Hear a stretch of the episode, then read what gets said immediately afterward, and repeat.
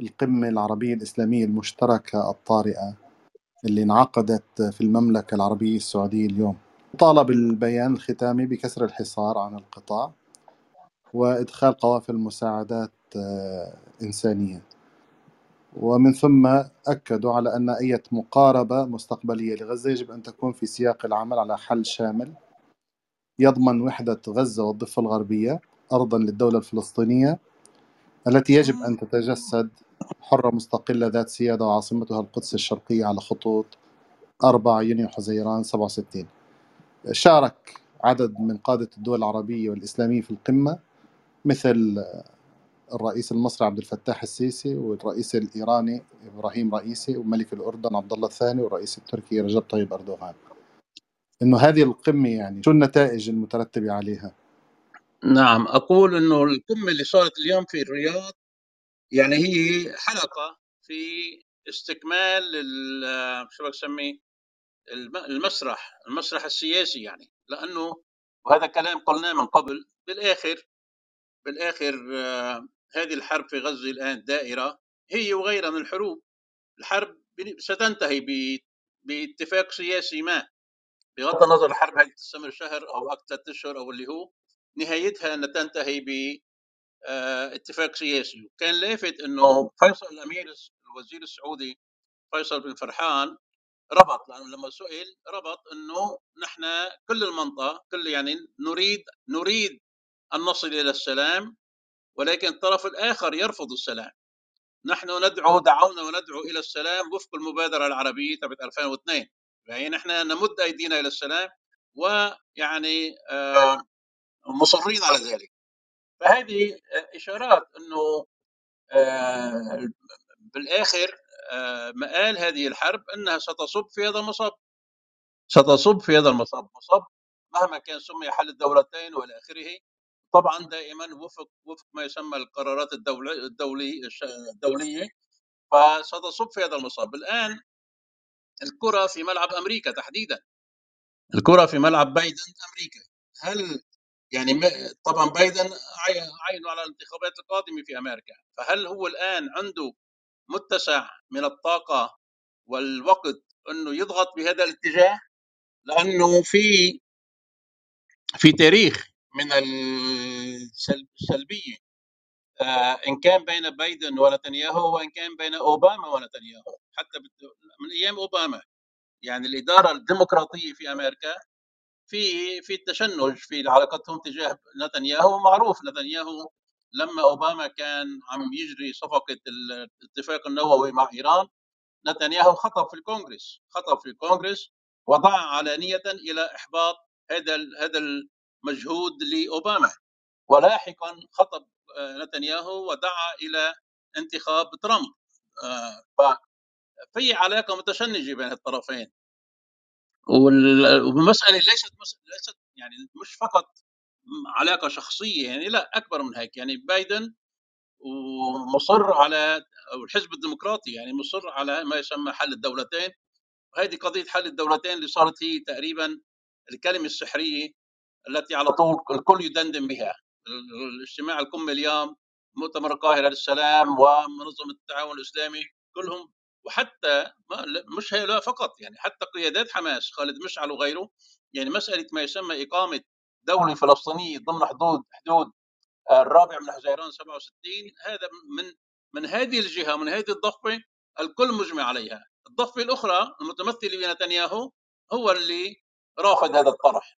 يعني يعني حتى كان في مقابلة مع نتنياهو مع صحفي سألته إنه هل أنت مستعد إنك يعني شو يعني حتى تكسب التطبيع مع السعوديه شو ممكن تقدم تنازلات؟ هل ممكن تقدم تنازل يعني تقبل دولة فلسطينية؟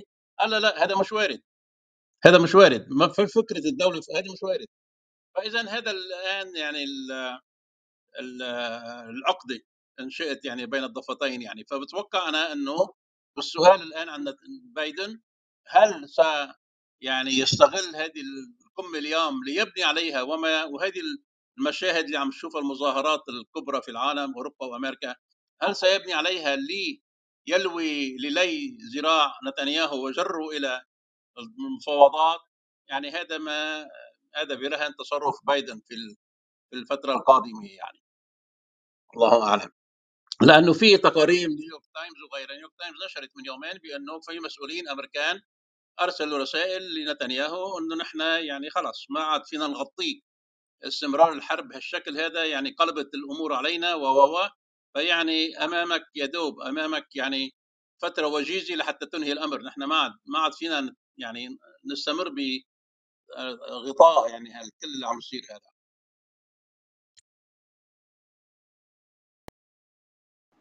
يعني يمكن أنت لخصت الفكرة من المؤتمر وما يجري آه، بخصوص آه، الموقف من حكومة نتنياهو. بنفس الوقت آه، إصرار زعماء العرب والمسلمين على إنه إحنا ما بنقدم شيء آخر غير المبادرة اللي بدها إياها أمريكا وهي مشروع إقامة الدولتين. طبعا للتأكيد هنا إنه فكرة إقامة الدولتين مش فكرة آه، بالتصور المتخيل عند كثير من الناس اللي بيتوهم إنه والله راح يكون في دولة آه، ذات سيادة ذات آه، إمكانيات تفرض إلى جانب الكيان. إنما هو مشروع بشكل ضمني لتحديد فقط جغرافية هذا الكيان من ناحية ولحماية هذا الكيان لكن على أساس اعتباره إنه آه، محطة عسكرية آه، سياسية أمنية للغرب على رأسه أمريكا. آه، في قلب العالم الإسلامي. يعني هذه مشكلة كبيرة جدا لأنه الناس لما تفكر بقضية الدولتين تتصور إنه إقامة دويله أو ما يشبه الدولة على أراضي الضفة الغربية وقطاع غزة أنها مقدمة لتحرير فلسطين مع إنه هو العكس تماما المطلوب منها. هو ترسيخ هذا الكيان وتشريع هذا الكيان وجعله حقيقة نهائية في المنطقة. والتعامل مع قضايا المنطقة من هذا المنطلق مش أي شيء آخر. طبعا اللافت أكثر بالنسبة للمؤتمر الذي تم عقده آه، إنه جميع الزعماء آه، العرب والعجم آه، الذي ينتمي إلى محور الممانعة أو محور الاعتدال وكل بين مزدوجين كان نفس الموقف إنه والله هذه جريمة إنسانية وأنه لابد من فك الحصار طيب كيف بدكم تفكوا الحصار ما في أي وسيلة عملية أو سبيل أو مبادرة تحقق ذلك إنه كله مناط بالولايات المتحدة الأمريكية وبالغرب وبالتالي تسليم الملفات واستمرار تفويض الغرب في إدارة الأزمة ورعاية شؤون المنطقة. ما بعرف إذا عندك شيء آخر أبو مصطفى تضيفه هنا. الله يبارك فيك أبو بلال. والله اللي يعني ذكره أبو عبيدة ثم تبعت انت بكلام هو فعلا يعني تشعر أنه ما تريده أمريكا التصور الأمريكي لهذه الأزمة وما سبقها والعملية السياسية اللاحقة آه، يعني تقريبا فرض نفسه على كل الأطراف حتى الأطراف التي يظهر بينها التناقض يعني. يعني مسألة مثلا تشخيص المشكلة مع إسرائيل على إنها بحكومة نتنياهو باعتبارها أنه هي كانت ترفض أي حل سياسي هذا الكل ماشي فيه. يعني حتى اليوم خطاب آه، أمين عام حزب الله حسن نصر الله بهذا السياق يعني. يعني لدرجة أنه بيقول حتى أنه يعني أمريكا نفسها صارت محرجة.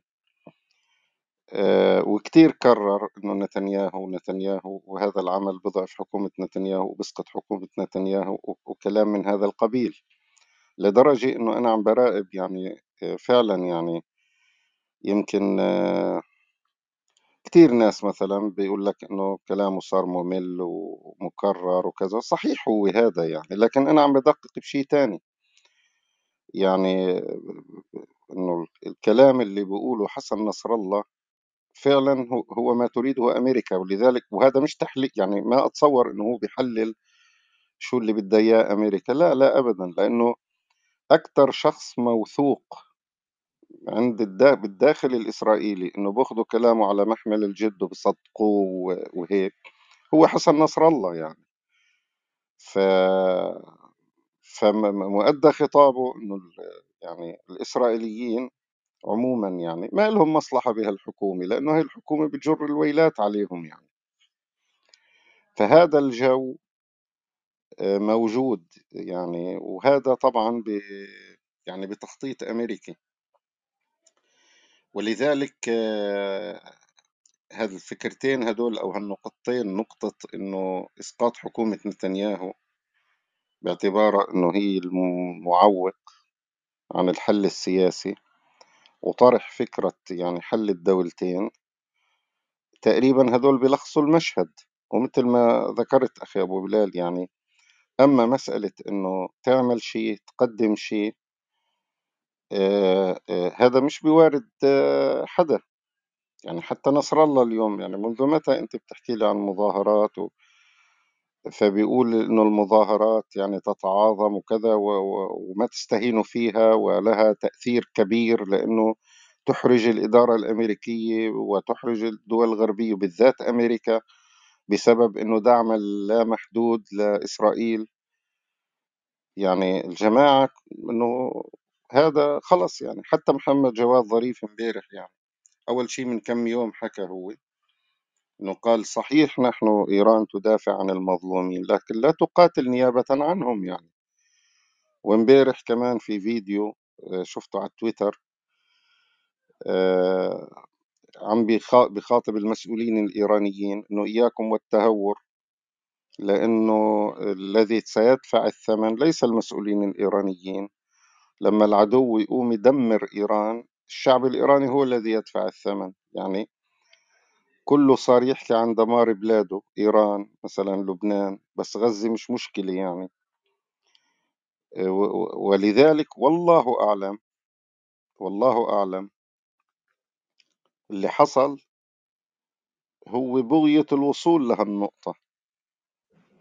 وليس مستبعدا مطلقا إنه لا كان في اتفاق أو هكذا يعني غرر ب يعني أو آه، تصرفت بناء على ذلك يعني حماس إنه أطراف مع أطراف أخرى ستشارك وترفع العبء أو تخفف من العبء والضغط وتفتح الجبهات.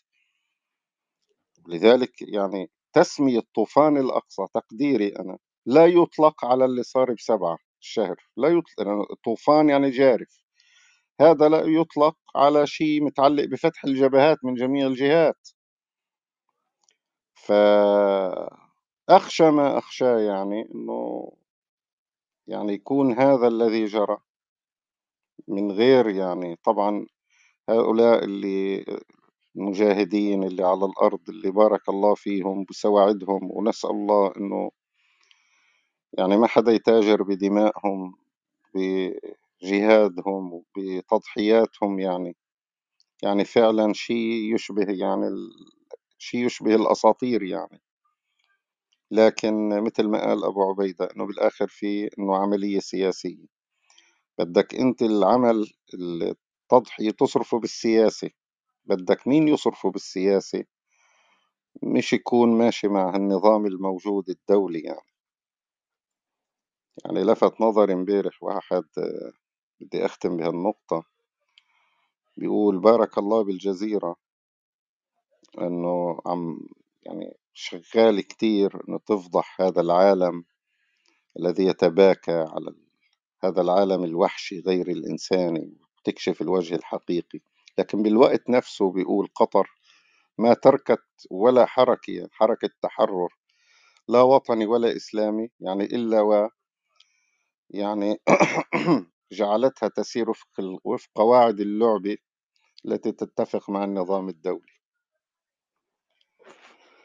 ولا حول ولا قوة إلا بالله. هلأ يمكن كمان اللي لخص الموقف قبل المؤتمر السؤال اللي انطرح على مسؤول سعودي أظنه كان وزير الطاقة السعودي الأمير عبد العزيز بن سلمان واللي آه، الصحفية سألته فيه إنه هل وارد أن تستعملوا النفط كسلاح لوقف العدوان على غزة. وانتشر الفيديو بشكل كبير على وسائل التواصل الاجتماعي لأنه ابتدأها بضحكة آه، هزلية ساخرة ثم قال أبدا هذا غير وارد.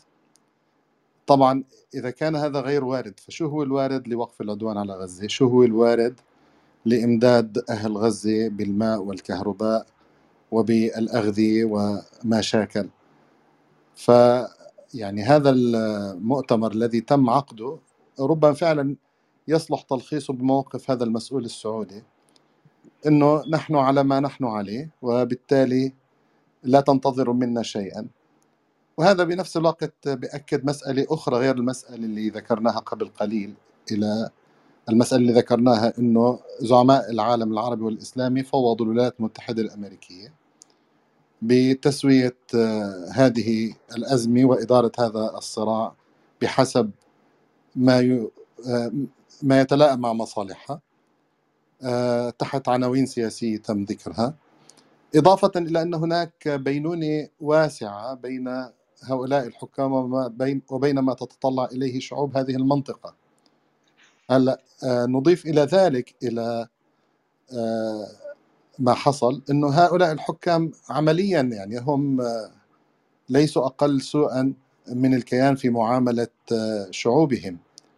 ورأينا خلال العشر سنوات الأخيرة على الأقل كيفية ممارستهم كيفية الممارسة السياسية لوائد تطلعات هذه الشعوب وقتلها واعتقال خيرة شبابها وأيضا وائدهم آه، إما في عمليات تحت ستار مكافحة الإرهاب أو غير ذلك.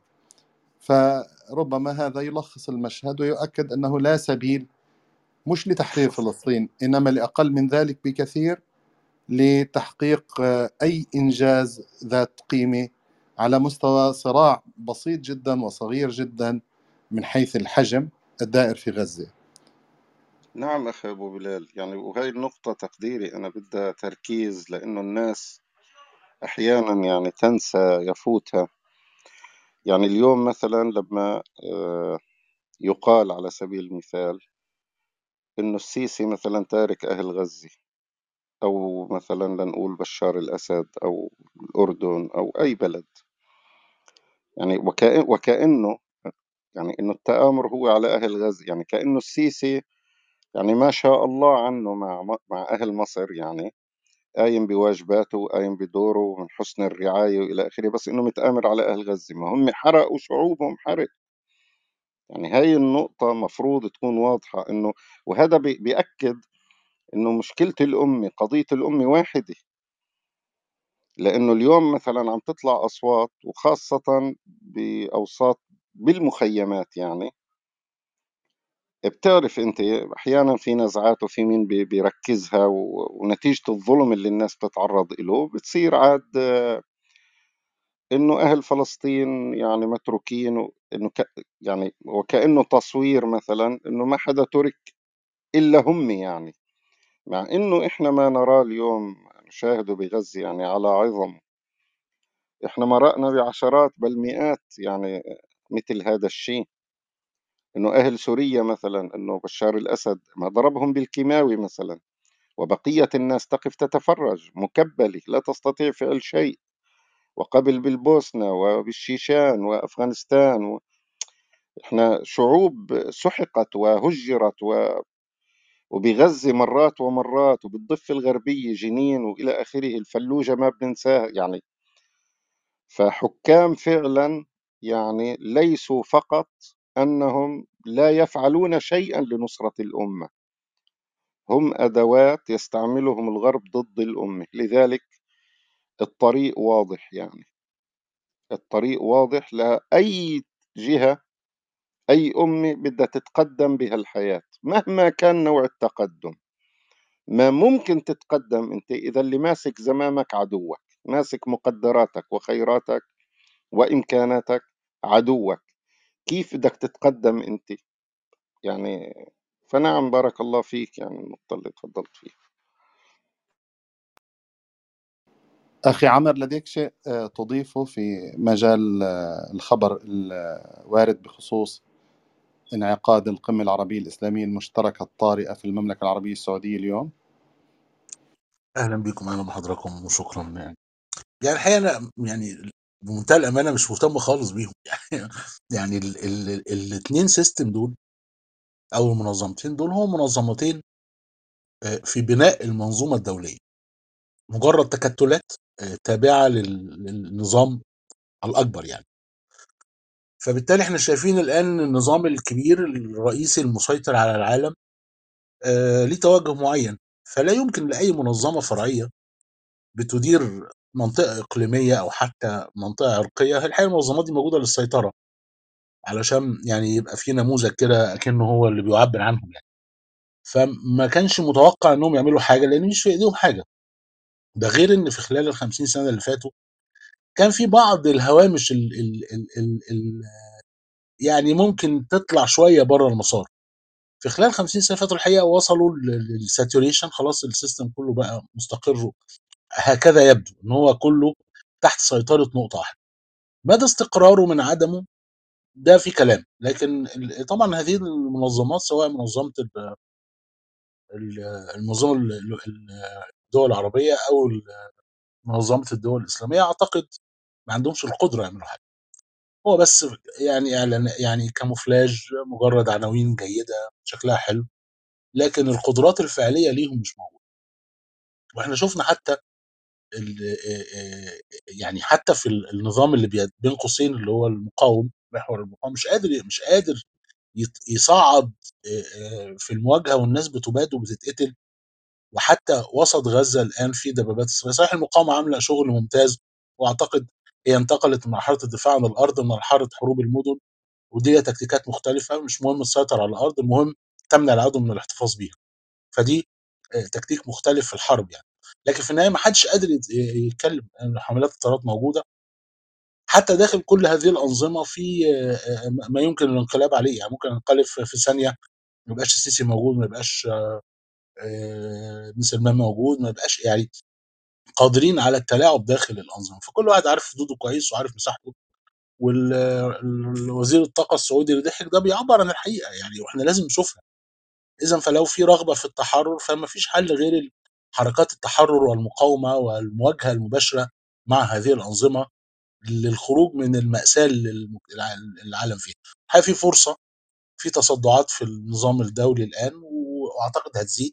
ففي فرصة لحركات المقاومة إنها تنشئ آه، نظام جديد أو على الأقل تحاول إنها تطلع بره دايرة الاستعمار اللي إحنا موجودين فيها. شكرا. هي الإشكالية الوحيدة أخي عمر باللي تفضلت فيه. إنه هذه الحركات حركات المقاومة ومشاكل أيضا تندرج في عموم آه، المؤسسات والدول آه، والمنظمات اللي بيرعاها الاستعمار. آه، بالتالي لا تكاد تقوى مش على الخروج على النظام الدولي إنما على الخروج على إرادة آه، أذناب النظام الدولي. وهذه مأساة بكل معنى الكلمة. ولذلك نحن ذكرنا قبل قليل ربما قبل أن تحضر معنا هناك هناك ما يشبه الإجماع آه، أو عفوا هناك إجماع بين آه، زعماء المنطقة العربية والإسلامية على تفويض الولايات المتحدة الأمريكية بإدارة الصراع وتتويجه بحل ما يسمى حل الدولتين مع أنه حل آه، يخدم الاستعمار على اعتبار أنه آه، سياج جديد لحماية هذا الكيان ولحفظ مصالح الولايات المتحدة الأمريكية. هذا في حال نجح هذا المشروع في أحسن حالاته. وأي كيان يعني سينشأ في الضفة الغربية وغزة لن يكون كيانا تحريريا للأرض وللمقدسات إنما سيكون تكريسا للاحتلال وإسباغ شرعية نهائية على هذا الاحتلال وفرضه كدولة ذات طابع سيادي وسياسي وأمني مستقر في المنطقة إلى ما شاء الله. هذه مشكلة حقيقية. آه، أخي إيهاب لديك نعم شيء؟ نعم أنا آه، مع تفضل. حضرتك آه، اتفضل لا، ممكن بس أقول حاجة؟ يعني أكيد هو الحقيقة طبعا فكرة إن إن حتى السيطرة والتوغل حتى داخل ما ما يطلق عليه حركات المقاومة ده كلام صحيح. لكن في النهاية مين اللي عنده البوتنشال إن هو يتحرك فعلا في اتجاه التحرر يعني زرع فكرة المقاومة بتخلق حالة ربما تخرج عن الإطار وده اللي بيحصل في شفناه في حاجات كتيرة بتخرج عن السيطرة لأن فكرة المقاومة نفسها فكرة قادرة قابلة للنمو وقابلة للتمرد غير أفكار غير ال- النظم التانية اللي هي تحت السيطرة الكاملة والتبعية الكاملة.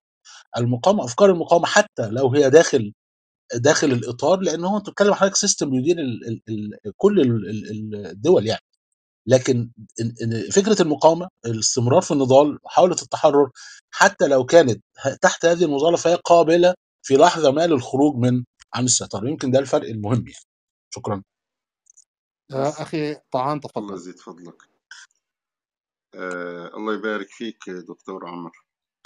هلأ إحنا في عنا مشكلة هون اللي هي إنه القياس مثلا الاستحضار تجارب معينة وإسقاطها على يعني تجارب لها ظروفها آه، ولها آه، آه، يعني شروط رافقتها أو ملابسات معينة أدت إلى نجاحها وأسقاطها على حالات أو على تجارب تختلف ظروفها. يعني أنت كي- كيف مثلا إذا أنت تجربة معينة ترتبط بالأجنبي بشكل أو بآخر؟ يعني لما نقول إحنا إنه هاي مقدمة للتمرد لا ما هو هي يمكن لولا ارتباط بالأجنبي لم توجد به الحجم. يعني يعني أنت مثلا لاحظ آه، اللي صار بسوريا على سبيل المثال معظم المناطق تركت لإعادة ليعود النظام ليس بسبب ضعف الفصائل يعني هم لما إجا الحل السياسي أو الموجه السياسي ركبهم بباصات ونقلهم على إدلب. بل في مناطق يعني كان في أعداد ضخمة من المقاتلين وفي عدة وعتاد شيء مهول يعني. وكان غريب مثلا أنه تترك هذه المنطقة. آه، يعني لا يمكن لعمل بدأ مرتبطا لأنه كل ما طولت مدة العمل المرتبط كل ما زاد التحكم فيه. أنت إذا إلك فرصة إذا إذا إلك فرصة أن تبدأ مستقلا عن النظام الموجود. هلأ يمكن واحد بيجي بيقول لك إيه ما فيني أبدأ؟ ماشي الحال. إذا ارجع فكر ارجع ابحث. كيف فيني أبدأ مستقل؟ إياك أن تبرر لنفسك أن تبدأ ضمن هذا النظام الدولي. أو الإقليم الذي يتبع للدولة على أمل أنه رح يجي وقت أنك أنت تستقل. التجارب أثبتت للأسف الشديد يقول هذا الكلام الواحد. التجارب أثبتت أن هذه العقلية من التفكير بالرغم مما حملته هذه التجارب من فوائد إلا أنه جربت جرت جرت الكثير من الويلات والنكبات. مش ويلات ونكبات وقعدنا لا. كانت تستثمر التضحيات والدماء خدمة لصالح مشاريع الأعداء. يعني اليوم مثلا اليوم لما أنت عم تطلع إلى ما يجري في غزة وترى الأفق السياسي اللي عم ينحكى فيه أنه دولة فلسطينية مثلا بصرف النظر شو تفصيلاتها؟ إنه والله آه، آه، عملية 7 أكتوبر تسمع مثلا وهذا الجو العام يعني. إنه فرصة لإسقاط حكومة نتنياهو. يعني إحنا دماءنا ودمارنا وخراب بيتنا مشان تصفية حسابات مثلا بين بايدن وبين نتنياهو واسقاط حكومة نتنياهو وإقناع إسرائيل وساسة إسرائيل واليمين المتطرف إنه ما إلكم غنى عن السير بالخطة الأمريكية. يلا تفضلوا امشوا. وبعدين اللي صار يعني يا دار ما دخلك شر وبتمشي الأمور مثل ما ذكر أبو بلال إنه الكل متفق حط ال- ال- ال- ال- الحل بإيد أمريكا. يعني أمريكا هي اللي تحل المشكلة. هاي هي المعضلة يعني هاي المعضلة. ولذلك الموضوع هون إنه أنا لما مثلا باجي بقول إنه هي تعطي فرصة في وقت من الأوقات لكي تستقل عن النظام الدولي. لا يعني الواقع ينقض هذا بل يعني التفكير بال... بهذه التجارب بيعطي نتيجة معاكسة تماما يعني. بارك الله فيك.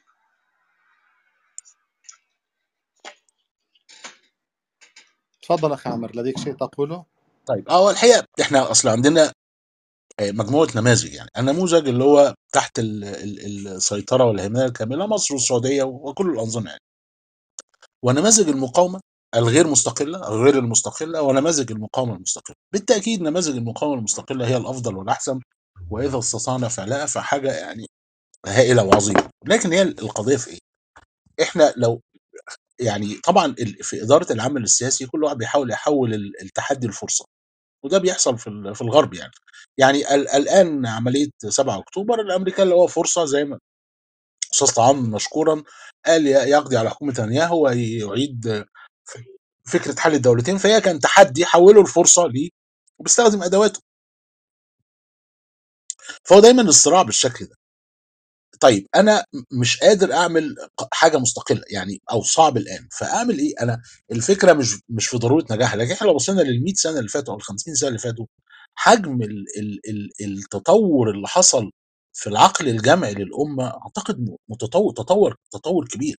حتى لو لم تنجح تجارب التحرر لكن فكرة إن المقاومة هي الحل وإن الصراع مع النظام هو الحل وإن حتى لو ما عنديش فرصة أعمل حاجة مستقلة فعلى الأقل زرع الفكرة دي بالتأكيد أفضل من حاجتين من الانسحاب خالص من من المسرح أو من نموذج محمود عباس مثلا. يعني فاحنا في في في زون أو واقع بيفرض نفسه علينا طبعا الأفضل والأسلم والأعظم إن إحنا نقدر نعمل حاجة مستقلة لكن الحقيقة الاستقلال في الوقت الحالي في ظل الضغوط اللي موجودة من النظام العالمي عملية صعبة جدا حتى أفغانستان لم تستطع فعل ذلك رغم إنهم محاربين شداد جدا وناس من يعني أفاضل الناس لكن تحت ال ال ال الإطار وقدروا يحققوا انتصارات يعني ال- ال- ضربة مش قليلة للأمريكان لما حصل صحيح الأمريكان استف...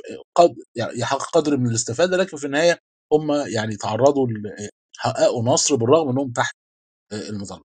العملية معقدة جدا واختيار المسارات مش سهل والهدف من كل الكلام ده إننا نلغي فكرة استسلام يعني بنموذج محمود عباس والسيسي وغيرهم ونحاول نفرض فكرة المقاومة اللي هو إن هو ده الحل. بأي شكل إيه، قد تكون في تيارات تحت السيطرة تمام وبتتصرف غلط لكن زرع الفكرة جوه المجتمع وجوه الأمة قد في لحظة ما ينشئ خط وتوجه عام يحل الأزمة ال- ال- المأساوية اللي إحنا شكرا. هلأ نقطة فقط هيك على الهامش. بتقديري إنه الجهود التي توجهت نحو عملية تغيير الأنظمة كانت بالنسبة للغرب أخطر بكثير من عمليات المنظمات اللي مندرجة تحت عنوان المقاومة. ولذلك وجهت بضربات وحشية حتى أقسى مما ربما تجابه للأسف الشديد المنظمات في المناطق التي تصنف مناطق مقاومة. يعني عندما حصلت مثلا عملية سياسية في الجزائر وأدت إلى اشتعال الحرب لمدة عشر سنوات بين النظام وتدخلت القوى الغربية وعلى رأسها فرنسا يعني أدت إلى سقوط ربما أكثر 250 ألف آه، قتيل آه، إضافة إلى الضحايا الكثر الذين لم يتم آه، تعدادهم أو ذكرهم. وكذلك الأمر عندما حصلت عملية الحراك في مصر شاهدنا مجازر مروعة سواء في النهضة أو في غيرها. و وجدت أو اعتقل عشرات الآلاف من الناشطين الذين الآن يعني بمثابة منسيين لا أحد يذكرهم وكأنهم خارج آه، آه، مش الحدث فقط خارج التاريخ. وما ذكره قبل قليل أيضا أخونا أبو مصطفى ما حصل في سوريا أنه عندك مئات الآلاف من القتلى إضافة إلى حوالي 10 ملي- م- مليون نازح ومهجر داخل سوريا وخارج سوريا لأنها تتقصد عملية تغيير نظام سياسي مرتبط بالنظام السياسي الدولي. فالهامش تبعها أقل بكثير مما تعيشه هذه المنظمات اللي تحت إطار أو عنوان المقاومة واللي هي فعليا عم يتم توظيفها بشكل مباشر أو غير مباشر لتأمين الأجندات الدولية. أخي إيهاب لديك شيء تضيفه هنا قبل أن أنتقل إلى آه، موضوع آخر؟ نعم. آه، بخصوص ال- ال- ال- القمم بتاعة الرياض آه، ما فيش أكثر من اللي قلتوه يعني هو الظاهر من تعليق الناس عليها أصلا يعني إنه الناس تدرك آه، تناقض الكلام مع مش بس الأفعال ومع كلامهم في مواقف أخرى يعني. فيعني عبثية المشهد وخروجه عن الآداب العامة ظاهر يعني. أما بخصوص ال- الحوار الحالي هذا برأيي إن إحنا عادة بنناقش خطين آه، والاثنين في رأيي بي- بي- بيخطئوا ال- الهدف يعني.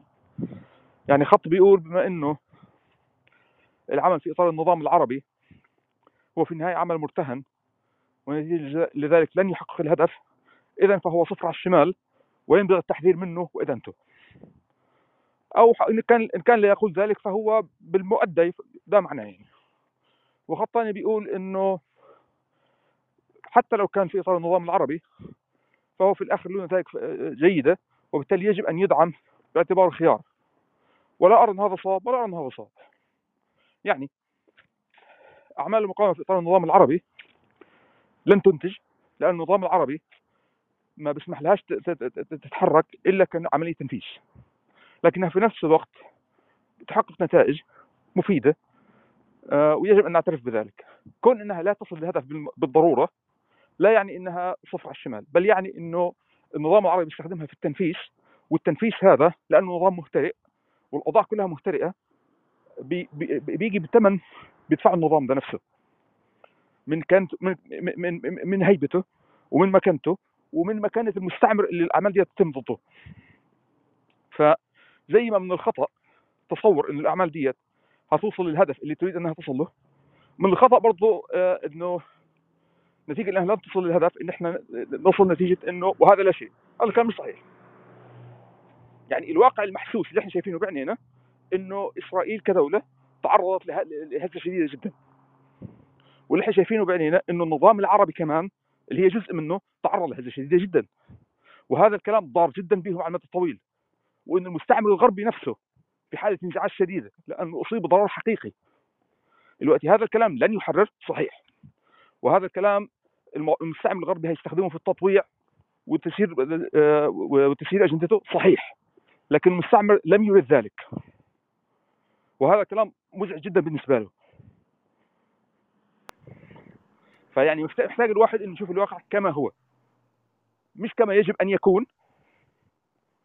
أوكي؟ ولا كما يعني يقبل يقبل به أن يكون. كما هو. بالضبط. تمام. أنت ذكرتني جزاكم أخي إيهاب إنه في نتائج سياسية آه، واضحة ومباشرة. هذه يتم التعليق عليها والتحفظ على ما يرد فيها.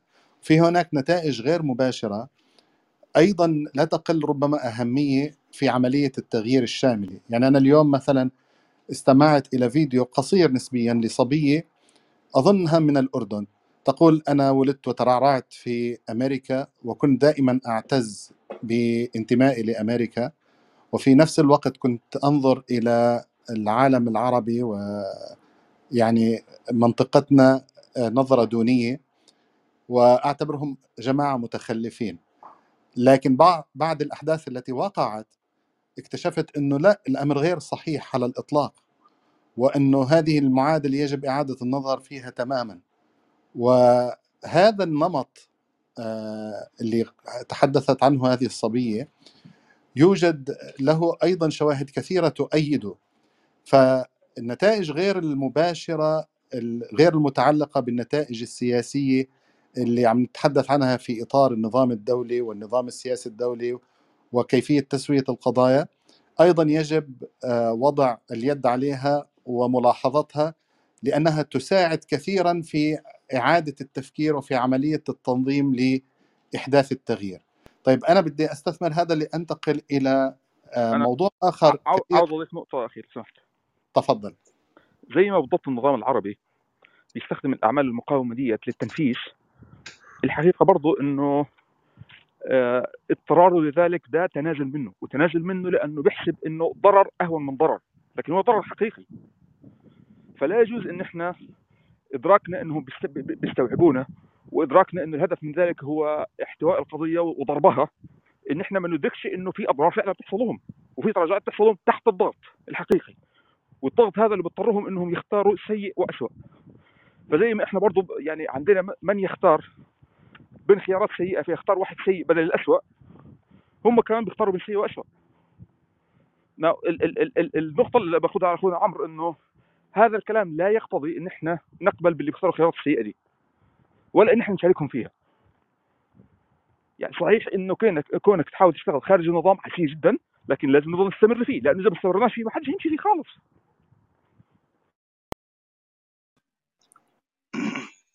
بس بعد إذنك بس قبل ما كون الموضوع مهم. يعني أنا تقديري اللي ذكره الدكتور إيهاب صحيح بس بنطبق على دراسة المآلات أو النتائج مش على أصل فكرة الموضوع. يعني أنت في فرق بين ما تناقش مثلا إنه أنا اليوم في عندي فلسطين مثلا في عندي قضية إنه بدي يا سيدي مش تحرير فلسطين بدي أبقي قضية فلسطين حية مثلا.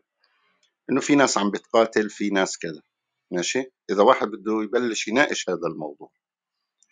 طيب شو الطريق لهذا؟ بدي أشتغل مع قطر مثلا بدي أشتغل مع النظام السوري بدي أشتغل مع النظام الإيراني. نقول له لا يعني لا تراعى وقت نقاش. أصل الموضوع لا يراعى بعدين إنه قد تكون له نتائج إيجابية. أما وقد حصل مثل ما ذكر أبو بلال الآن اللي حصل حصل. له نتائج إيجابية. نعم له نتائج إيجابية. فأنا في فرق بين لما أدرس الموضوع من حيث النتائج ومن حيث إنه أنت تيجي تقول هذا هو الطريق. هذا هو الطريق؟ لا مش هذا هو الطريق. هذا الطريق سلبياته كبيرة جدا وآثاره قد يحمل آثار كارثية بصرف النظر عن الإيجابيات. وعدونا مثلا لما بيشتغل يعني مثلا كلنا بنتذكر يوم قصة لما فات الاتحاد السوفيتي على أفغانستان مثلا. إنه بال 79 80 يعني بإحياء فكرة الجهاد مثلا. طب ما هذا مثلا إيجابية إنه إسلام ورايه إسلامية وقتال إسلام وكفر ومسلمين وكفار وإلى آخره. كل هذا لا ما هو بالآخر البشر اللي بده يشتغلوا سواء الأمريكان ولا غيرهم. ما في قدرات مطلقة. ما في واحد يشتغل شغلة يعني هذا نادر جدا خاصة بالسياسي إنه الربح 100% ما فيش ولا واحد بالمية خسارة ولا واحد بالمية سلبية. هذا طبيعي وكلهم بيعملوه. هلا هاي شغلة. الشغلة الثانية أنا بتقديري مش مجرد إنك أنت تأخذ قرار بالسير بهذا الطريق طريق المقاومة يعني صرت مثل حزب الله بالإمكانات يعني صرت مثل حماس بالإمكانات يعني صرت مثل المجاهدين الأفغان بالإمكانات. أبدا. إنك أنت تصير بهالإمكانات مش سببه إنك أنت قررت تسلك طريق المقاومة. سببه إنه في دول لاقت مصلحة إنه تحتضن هيك أعمال هيك جماعات ف يعني نمتها وأعطتها ودعمتها وسندتها وما إلى ذلك وكل هذا طبعا لغايات سياسية. أما الآن مثلا إنه والله النتائج يعني أنت عندما ترى هذا القتال مثلا اللي قلت عنه أنا قبل شوي شيء يشبه الأساطير. هذا بنذكر من الإيجابيات. صمود الناس البطولات آه، الصبر. آه، هذا كله مثلا من الإيجابيات بتنذكر. لكن هذا غير طبعا موضوع مناقشة الموضوع بوصفه إنه هذا هو الطريق. يعني هذا لذلك هو أنا لا أخالف الدكتور إيهاب يعني بس اردت أن أوضح إنه الفرق بين الأمرين. يعني. بارك الله فيكم. إذا أمكن أخي أنا في عندي كلمة هنا. يمكن يمكن لردم الفجوة بين الطرحين. يعني مسألة الإيجابيات هذه اللي عم نحكي عنها ومسألة كون كون اللي قاله دكتور عمرو أن المقاومة هي طريقة تتبع آه يمكن المفتاح مفتاح العقدة إذا لو لو رجع لو رجعنا إلى النهج النبوي للرسول عليه الصلاة والسلام في مكة المكرمة. لا وجدنا بأنه طبعا يعني خلال فترة 13 سنة في مكة الرسول عليه الصلاة والسلام والصحابة رضوان الله عليهم خاضوا صراع صراع شرس مع يعني سدنة آه، قريش وأهل قريش وزعماء قريش وهو صراع شرس يعني بكل ما نعرف تفاصيله في السيرة. ولكن وهذا الصراع طبعا منهم من الصحابة من هاجر منهم إلى الحبشة ومنهم من استشهد و و ومنهم يعني حتى اضطر إلى النطق بالكفر والعياذ بالله. يعني تفاصيله معروفة. ولكن ما يميز هذا الم- المشهد يعني إذا نسميها الاستراتيجي الاستراتيجيه النبويه في مكة المكرمة. هو هو ما يميزها هو وجود قيادة. وهو شخص النبي عليه الصلاة والسلام كان يعرف ما يريد. كان يعرف ما يريد بحيث بحيث إنه أي تفصيل جزئي أي تفصيل جزئي آه، إسلام حمزة إسلام عمر آه، عثمان بن مطعون فلان أو فلان آه، أي جزئيه في المشهد السياسي العملي اليومي في مكة أي جزئية كان الرسول عليه الصلاة والسلام يسخرها أو يستثمرها لتخدم الهدف الاستراتيجي عنده لتخدم الهدف الاستراتيجي عنده.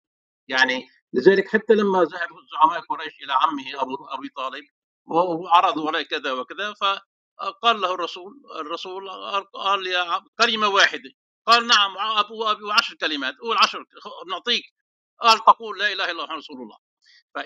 بمعنى أن الرسول عليه الصلاة والسلام كان عنده يعني رؤية استراتيجية كان عنده هدف واضح كان وكان لا يتزحزح عنه. يعني هيدي البوصلة اللي عنده وكل التفاصيل الجزئية تصب وتخدم هذا الهدف الاستراتيجي. نحن ما ينقصنا اليوم؟ أنت بتقول لي والله طيب يعني مثلا نحن عم نتكلم على غزة. وبطولات. و و و الله ينصرهم بالملائكة ويعني وبطولات يعني واضحة. يعني نحن ما عم نحكي عن حرب 73 اللي كان فيها الجيش السوري والجيش المصري دول دول دولة مصر ودولة سوريا. ولا حتى عم نحكي عن حرب 2006 تموز مع حزب الله في لبنان. حزب الله كان بي أيضا كان عنده دعم من كل لبنان وسوريا وإيران. لا غزة يعني مشهد فاقع بأنه شريط رملي على البحر ويعني مع محاصر ومخنوق ومع ذلك أظهر أظهر من البطولات ما فعلا ما فعلا يعني شيء خرافي يكاد يكون خرافي. ولكن أيضا ال- المسألة هون هنا إنه لو رجعنا إلى مثلا في حرب 82 لما إسرائيل هجمت على لبنان ب 82 وطائرات الاف 16 قامت تقصف بيروت وقام يومتها في حرب 82 قام شباب عديدين من الشباب واجهوا الجيش الإسرائيلي وضحوا وكان في بطولات يعني عشناها ثم ماذا؟ كل هذه البطولات استثمرها ياسر عرفات للاعتراف بالقرار 242 الاعتراف بإسرائيل. طيب في حرب 73 كل بطولات الجيش المصري و و و في خط تحطيم خط بارليف عبور القناة و و و انتهت في كم ديفيد. طيب اذا يعني اذا اذا المسألة هنا أنه يعني هذه الجزئيات وهذه البطولات الآن في غزة سأخشى أن تنتهي على صفقة سياسية تطبخ ما بين الدوحة والرياض والقاهرة يعني يعني لأن لأنه واقع واقع الأمر واقع الأمر بغض النظر صحيح نعم هناك بطولات فردية نساء ورجال وأطفال و يعني فعلا شيء بيرفع الرأس قطعا هذا واضح. ولكن أيضا في الآخر في الآخر سنص- سنصل إلى زمن وزمان بعد شهر أو اثنين اللي هو بعد كل الدمار اللي حصل والى آخره. وقادة حماس سيقولون والله يا أخي مثل ما عمل ياسر عرفات في بيروت انه والله يا أخوان لا تلومونا لأنه ليس بالإمكان أحسن مما كان. ونحن يعني حصلنا أحسن إنجاز. أنه والله أخذنا ضمانات وتعهدات من بايدن ومن آه، آه، تركيا ومن السعودية ومنظمه التعاون الإسلامي أخذنا ضمانات وتعهدات بأنه سنسي سيسير في مرحلة انتقالية وكل هالكلام هذا السقيم كلام سقيم. وهذا بيعكس هذا نتيجة فقدان الرؤية الاستراتيجية اللي كانت موجودة عند الرسول عليه الصلاه والسلام يعني هذا هذا يمكن أنا في في في في في تقديري. هنا المقتل إنه بطولات فردية يعني فعلا يعني ترفع الجبين عاليا ولكن تضيع في الصفقات الخاسرة في سوقنا خاصة السياسي وراء الكواليس. هذا هذا يعني حتى مثلا يعني يعني يعني الشيء بالشيء يذكر.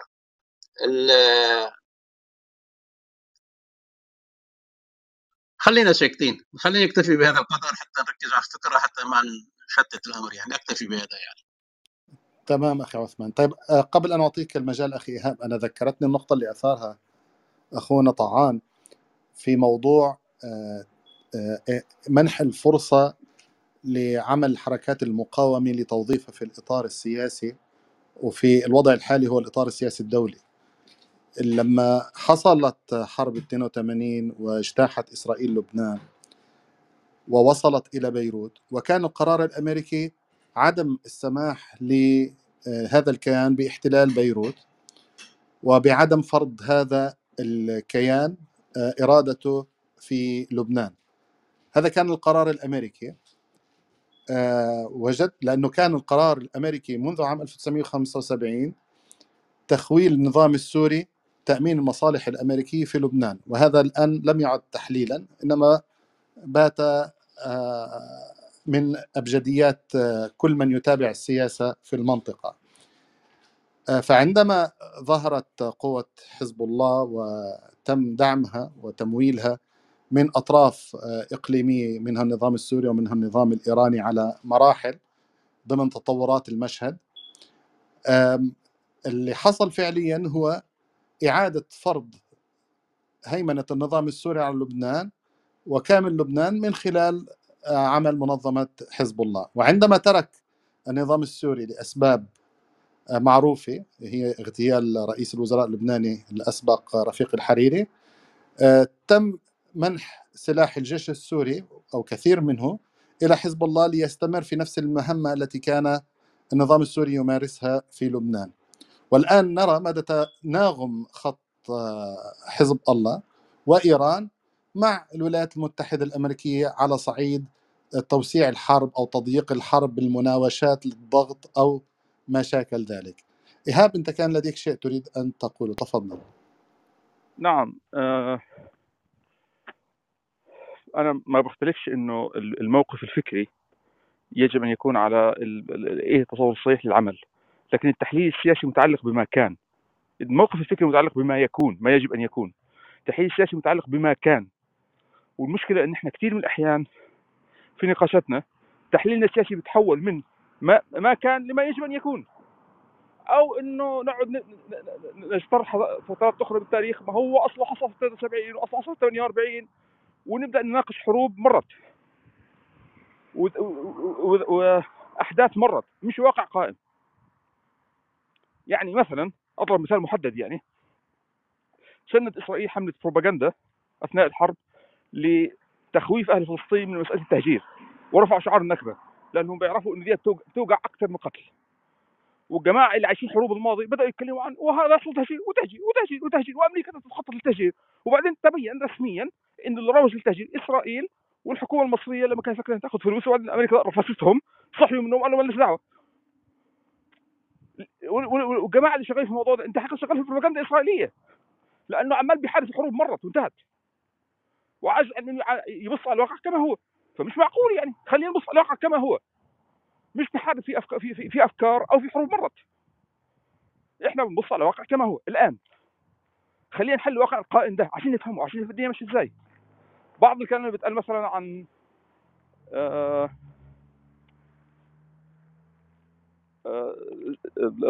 إشراف الامم المتحده على غزة في روائح لذلك ويستحق البحث والنظر. وهذا الكلام باعتبار إنه طريقة لضمان أمن إسرائيل يستحق البحث والنظر لأنه في اتجاهات في هذا الاتجاه والحكومة التركية بتضع نفسها موضع إنها يعني تاخذ فرصة إنها تمشي في هذا المسار. فهذا مثلا كلام يستحق البحث بس هذا الكلام يبحث في إطار اللي إحنا عايشين فيه دلوقتي مش في إطار 48 أو 67 أو 73 أو 82 جزاكم الله خير. تمام أخي إيهاب. طيب أنا بدي بس آه، أنتقل إلى نقطة أثيرت كثيرا وكان بودي أن يتم التعليق عليها. موضوع المظاهرات المنددة بالعدوان الإسرائيلي على غزة في أنحاء العالم. وهذه آه، يعني صارت آه، ظاهرة ملاحظة ومهمة جدا. آه، وأقرأ هنا خبر يعني سريعا. تواصلت المظاهرات والوقفات في مدن عالمية تنديدا بالحرب الإسرائيلية على قطاع غزة التي دخلت يومها وثلاثين مخلفة أحد عشر ألف شهيدا وفقا لوزارة الصحة في غزة. طبعا المظاهرات والاعتصامات آه، خرجت في بريطانيا وخرجت في واشنطن وخرجت في مدن فرنسية وألمانية وبلجيكية وهولندية وفي جنوب أفريقيا إلى آخره. السؤال الذي يتم طرحه هنا هل هناك من فائدة ترجى من هذه المظاهرات وهل آه، تعبر هذه المظاهرات عن موقف آه، سياسي يجب يجب الوقوف وراءه وحشده وتأييده حابب أسمع يعني وجهة نظركم بهذا بهذا الأمر تفضل أخي أحب تفضل. هذا الخط في التفكير خط استعماري واللي بيدعموه عبيد بيفكروا إنه حل مشاكلنا هو ان إحنا نستعطف السيد الغربي يقوم السيد الغربي يضغط على حكومته تقوم حكومته تضغط على إسرائيل تديني تديها حسنة ويعني بدايه العبودية ديت مش, مش من العشير الواحد يعبر عنها يعني. اطلعوا تظاهروا عشان الغربيين يحسوا بينا عشان الغرب عشان يدونا حسنة معقول؟ هذا كان نسعى لي يعني؟ نقطة. دي الموقف الموقف الفكري. سياسيا آه، الأنظمة الغربية صراحة بتهدد المظاهرات دي وبتتهمها بأنها معاداة للسامية وهذا الكلام يعني حتى خروج على أعرفهم لأنها مش عجبها المظاهرات دي. والمظاهرات نعم لها أثر لأنها تضغط على الحكومات ديت إنها آه، تبدأ تعمل على إيقاف إسرائيل عن الاستمرار في العدوان قبل الوقت اللي الحكومات ديت تشبع فيه من الانتقام وتقرر إنه الوقت فيها شحن واللي هيلاحظ بدقة لموقف الحكومات الغربية هيلاحظ الحكومات الأوروبية حاليا في موقف إن إسرائيل يجب أن تاخذ القتل. أمريكا بتقول لأ لأنه أمريكا ترى إن إسرائيل محتاجة عدة أيام كمان لإعلان الانتصار على غزة. لكنها بدأت تمشي في هذا الاتجاه وبدأت تعطي إجراءات في هذا الاتجاه. فالحقيقة إنه المظاهرات يعني لها فائدة هامشية في آه، وضع بعض الضغوط على الأنظمة الغربية إنها تسرع بساعات أو أيام على الأكثر في الضغط على إسرائيل. لكنها في النهاية هي تعبير عن حالة امتهان وصل بها العبيد إنهم مش قادرين يعملوا شيء أكثر من إنهم يسترحموا السيد. بؤس. تمام. أخي عمر لديك شيء توضح أخي في المسألة هذه مسألة المظاهرات طبعا هي لافتة للنظر. وطبعا ال... يعني بداية الأحداث في 7 أكتوبر طبيعي أنه بشكل عام في المجت... في المجتمع الغربي يعني في أوروبا وأمريكا كان في تضامن كبير مع إسرائيل أنه كونها يعني صورت بأنها هي الضحية. يعني حدث 7 7 أكتوبر كان شبيه ب 11 سبتمبر. المهم ففي البداية كان في تعاطف كبير مع إسرائيل إنه كانت هي ضحيه نتيجه وقعت نتيجة الهجوم الإرهابي إلى آخره. ولكن مع مع تمد مع استمرار الحرب والوحشيه والهمجيه والبربريه الاسرائيليه يعني السبق مثلا كان الكاتب في نيويورك تايمز نيكولا كريستوف سأل أكثر من مرة خاطب بايدن وقال هو وأنصار إسرائيل قال لهم يعني أنتم متى متى متى ستشبعون متى ستشبعون من دماء أطفال غزة؟ متى؟ بس قولوا لي يعني كم؟ 100000 200000 قتيل؟ عم سألوا هذا السؤال أكثر مرة. متى ستشبعون ستكتفون أو تشبعون من دماء أطفال غزة؟ فاستمرار الحرب بهالهمجية بوصف المستشفيات وإلى آخره وتعاظم. فهذا آه، أحدث انقلاب كبير في الرأي العام الغربي في أوروبا وأمريكا. وتجسد في المظاهرات الضخمه واخرها اليوم في برشلونة وفي لندن وفي أمريكا واشنطن هذاك الأسبوع. طيب هذا الانقلاب الرأي العام له مفاعيله وله نتائجه.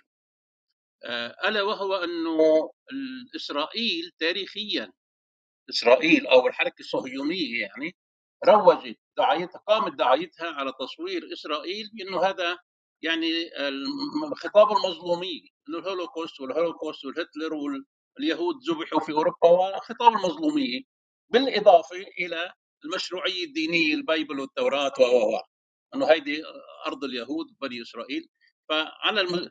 بينما هذه الممارسات الفج الآن يعني صار في كثير أصوات ترتفع إنه هيدي إسرائيل يعني اللي هن رفعوا شعار المظلومية وضحايا النازية والهولوكوست صاروا هم عم يرتكبوا من الجرائم ما هو أفظع من الهولوكوست. فهذا بمحصلة يعني. هذا في انقلاب كبير في الرأي الغربي وهذا له تداعيات لاحقا بمعنى ما عاد في يعني لما بيصل لما بيصل الأمر إلى يعني عدد بالمئات بالمئات من موظفي وزارة الخارجية الأمريكية والكونغرس ومن الطرفين الجمهوري والديمقراطي يعترضون على سياسات بايدن اللي بيعتبروها منحازه يعني بلا حدود لجانب إسرائيل في وجه هذه الجرائم بالمئات اعتراضات وعرائض و يا أخي يعني المعترضين واحد واحد واحد جمهوري و20 و20 ديمقراطية معظمهم نعم. ملونين نعم. وحتى اللي مش خرجوا ملونة بالسيرة فيها من الكونغرس والقوا الجمهور حدادا على على الضحايا غزة. لا في انقلاب واضح انقلاب كبير. فهذا مؤداه هذا مؤداه إنه كما في بسم الله في في في الآية في في في سورة آل عمران إنه قوله تعالى ضربت عليهم الذلة أينما ثقفوا إلا بحبل من الله وحبل من الناس فحبل الناس هذا الآن يتقطع. الآن هذا الضحية اللي كان بالأمس قد ضحيه الهولوكوست ومشاكل هذه المظلومية لا تبين هذا طلع فرانكشتاين. هذا اللي نحن نظرنا كنا ننظر إليه بعين العطف ومشاكل بالأمس. تبين طلع فرانكشتاين أكثر من هتلر. فهذا الانقلاب الراي العام له تداعياته. طبعا هو ليس بالضرورة أنه يعني الناس بيعبروا عن مش- مشاعرهم في الشوارع ومشاكل. اليوم في برشلونة في إسبانيا مظاهرة ضخمة. هذا في تعاطف في تعاطف في تعاطف إنساني كب- كبير. وهذا يعني بيصير بقى إنه يعني حتى يعني ممكن يعني بيعود الأمر إلى آه، لذلك وجدنا إنه مثل ماكرون وغيره صار يعدل من خطابه. يعني ماكرون كان بالأول كان يعطي تأييد مطلق لنتنياهو فيما يفعل لا صار هلأ يشدد إنه وغيره من النرويج والاتحاد الأوروبي. إنه لا نحن مش لهالدرجة نحن مش إنه لإسرائيل الحق في الدفاع عن نفسها بس مش معناتها إنه تخوض في بحر من الدماء بلا تمييز بالمدنيين. فصارت السردية هذه تتغير. وهذا خلاصة الأمر بإنه يعني إسرائيل ككيان كمشروع سياسي ك ك ك آه الآن تتحطم أو تتهاوى الأسس الأسس الأخلاقية إذا بدك تسميها إذا بدك تسميها الأسس الأخلاقية التي قامت عليها يعني خطاب المظلومية والهلو لا هلا صارت إسرائيل عم تتبين صارت وحش صار وحش وصاروا يعني فهذا له له آثاره له آثاره في في السياق العام إنه مثل ما قلت يعني حبل حبل من الناس صار يتقطع. صارت الناس تقول لا نحن مش مستعدين بقى. يعني مش مستعد نحن عم نشارك في هالجر لما يعني في أمريكا لما بيكون بحكومة بايدن بتضخ السلاح والذخائر لنتنياهو يعني في أصوات عم تقول نحن عم نشارك في في جرائم الإبادة هيدي. ف فنعم هذه الأصوات لها يعني آه، تداعياتها من هالزاوية هيدي يعني. تمام. أخي عمر تفضل. آه، لا الحقيقة ما- يعني مفيش كلام أكتر الدكتور عثمان أفاد يعني في الموضوع جاز. آه، بس هي فكرة مهمة جدا. هي اللي بيحصل في الغرب الآن هي من النتائج غير المباشرة للمعركة أو لفك... لما فعلته آه، المقاومة يعني. فصحيح ربما يمكن الموضوع يستمر أو تكون جولة من الجولات أو تنتصر لكن هي حققت ضربة مفصلية للصهاينة وفي نفس الوقت آه، إعادة كلمة فلسطين للعالم تاني وللغرب وخسر على المستوى الأخلاقي والفكري الكيان الصهيوني كتير من الركائز اللي بيبني عليها التعاطف معاه في أوروبا. فدي نقاط إيجابية مهمة والمظاهرات حتى لو ما كانش ليها تأثير آه، سياسي كبير في الوقت الحالي إحنا برضه في العراق حصل نفس الكلام هي مظاهرات ضخمة في العالم لكن أحيانا حتمية ال- ال- المواجهة وخطورة الموقف على النظام الدولي بيخليه يتجاوز كتير عن فكرة الديمقراطية ورأي الناس والكلام اللطيف اللي بيتقال ده. لكن في الآخر هي ليها جزء من توازن القوى بيتعمل حسابه فمع الضغط الكبير أكيد ليه تأثير يعني. ربما مش ميجور لكن هو في الآخر تأثير آه، إلى حد ما ليه ال- ال- الوزن بتاعه في القرار السياسي حتى لو بعد وقت وفعلا زي ما ذك- ذكر الدكتور عثمان ماكرون غير في لهجته والضغط الكبير جدا داخل بعض الحكومات ال- الغربية. حتى في لندن كان في رفض للمظاهرة من وزير- وزيرة الداخلية ولكن آه، قائد شرطة لندن أصر إنه ي- يعني المظاهرة تتم وكانت موجودة النهاردة كانت مظاهرة ضخمة جدا في لندن يعني. أكيد ليها تأثير حجمه بيختلف حسب الظرف العام اللي موجود في بعض الأحيان تأثيرها بيبقى مباشر وقوي وفي بعض الآخر في القرارات المفصلية وال- وال- والرئيسية واللي بتغير ال- التوجهات بيبقى تأثيرها ضعيف لكن مع الوقت بيبقى ليه أثر يعني. شكرا. تمام. هل لديك شيء تضيفه أخي طعان؟ لا لا الله يبارك فيك. يعني الشباب غطوا حتى لا نعيد. بارك الله فيكم. تمام. وكأنه إيهاب لديه شيء يضيفه؟ نعم. في فرق كبير بين آه، المظاهرات الآن والمظاهرات المتعلقة بالحرب على العراق. في الحرب على العراق كان في انقسام في الرأي العام الغربي بين الموقف الأمريكي اللي عاوز يقوم بغارة استعمارية وموقف الغرب العام اللي لا يرى مبرر الغارة الاستعمارية ديت.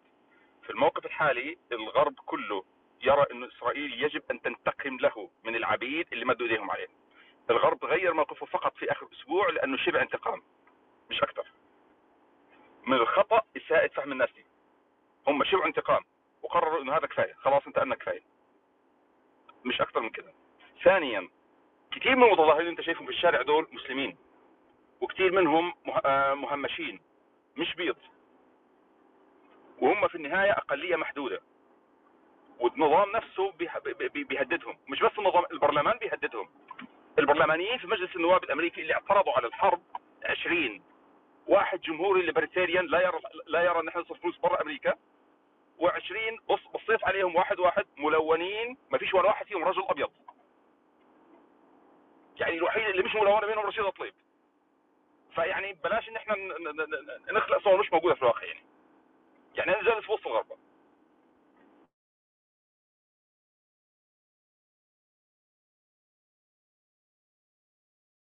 جزاكم الله خير.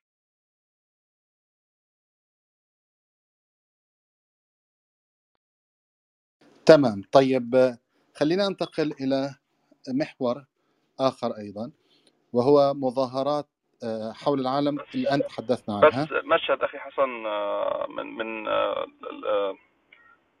ذا هاوس فلوريدا هاوس اللي هو مجلس النواب بتاع ولاية فلوريدا. واقفه آه، نائبة سمراء تحتج بالضبط بنفس العبارة إنه قتل 10000 عايزين كم كان رد عليها واحد واحد جلس جنبها. في في مجلس النواب all of them كلهم. هذا شو نائب. شو هذا دكتور نائب إيهاب؟ لو سمحت بس. هذا نائب وبينزل ما ما وعاوز ياخ- ياخذ أصوات. ما سمعت بس شو قال لها؟ All of them كلهم. أيوة أيوة أيوة. وهذا نائب وبينزل الانتخابات وعاوز ياخذ أصوات. ده مش مثلا موظف ولا رئيس شركة. ولا رئيس جمهورية هينزل في انتخابات بعد شوية وتغير الوضع. حد كاتب بيعلق بيقول إنه بايدن مهدد في انتخابات ميشيغان. مش صحيح. بايدن اللي هيخسروا من أصوات. من أصوات العرب اللي واضح انهم مش هيصوتوا له. هيكسبوا من اصوات من أصوات البيض العنصريين. اللي عاجبهم الكلام. وده اللي وده اللي ظاهر من توجهات حزبه. والناس اللي اللي بتاخذ توجهات حزبه داخل ميشيغان شايفين كده. اللي بيبص من بعيد بيشوفش التفاصيل الدقيقه الناس اللي عايشة في ديترويت شايفه شايفه الواقع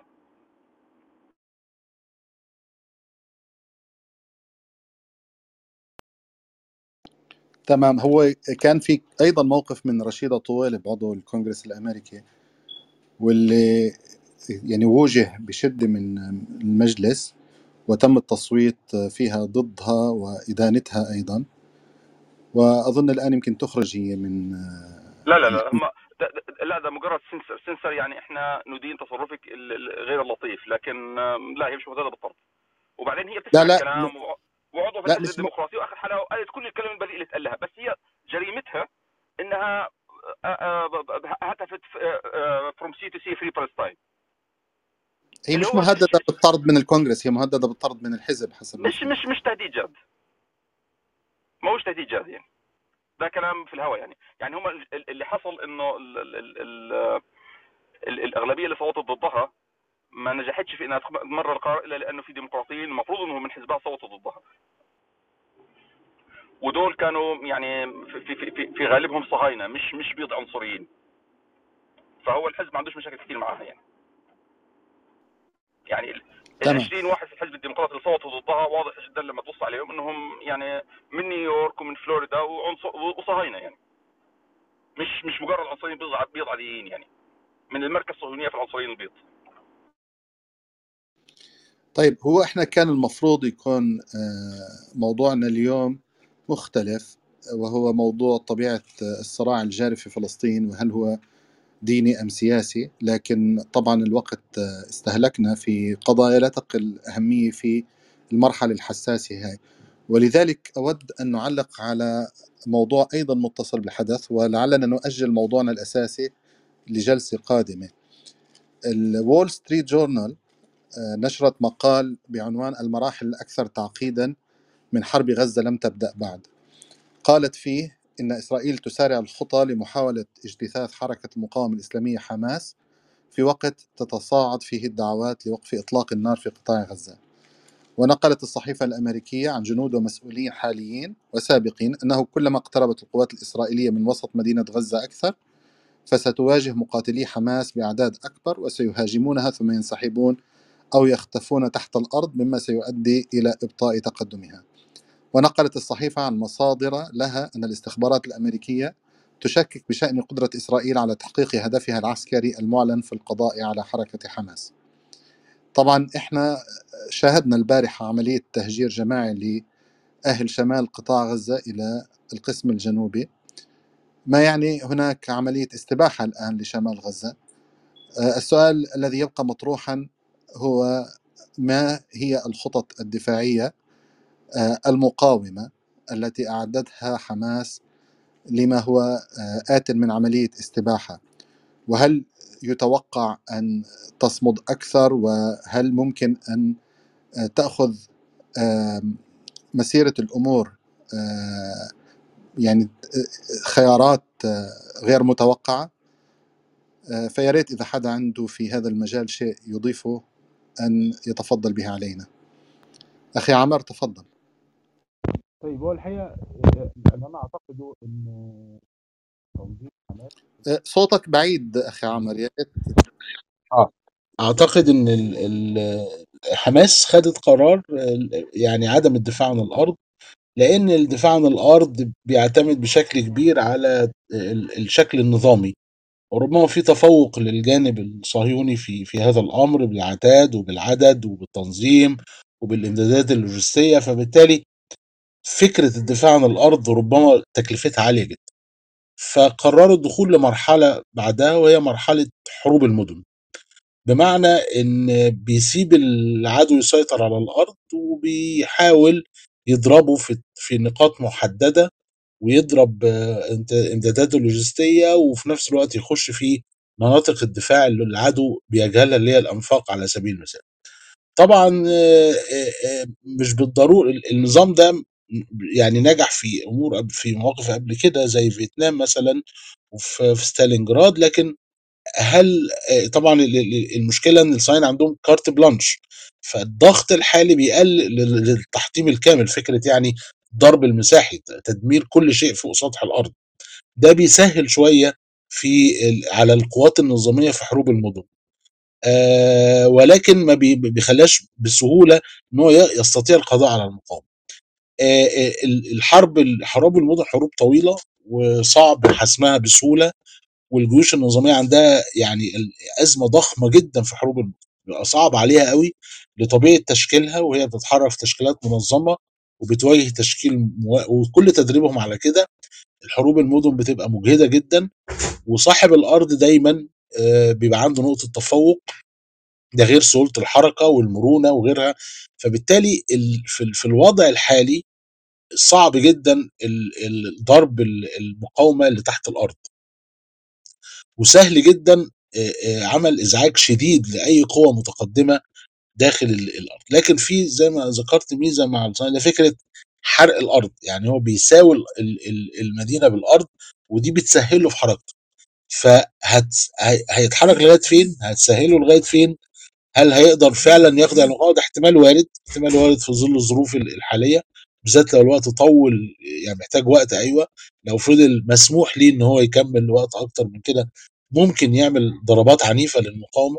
طبعا فكرة انتهاء المقاومة صعبة جدا بتبقى يعني ما دام فكرة فالفكرة بتعيد توليد نفسها مرة تانية لكن بتاخد وقت طويل على اعاده الاحياء فإحنا قدام سيناريوهين إن ال- ال- الصهاينة يعني يلاقوا مشاكل جامدة جدا في حروب المدن وخسائر عنيفة فاضطروا للانسحاب ويمكن ده الأقرب لطبيعة ال- ال- الدولة الصهيونية يعني ويبتدي تاني يتعامل بضرب الطيران ومن الميزات المهمة في حالات الحروب المدن التاثير الطيران بيقل لأنه خلاص في نوع من الاشتباك المباشر بين القوات فما بيقدرش يستخدم الطيران زي ما كان بيستخدمه في الضرب المساحي قبل كده.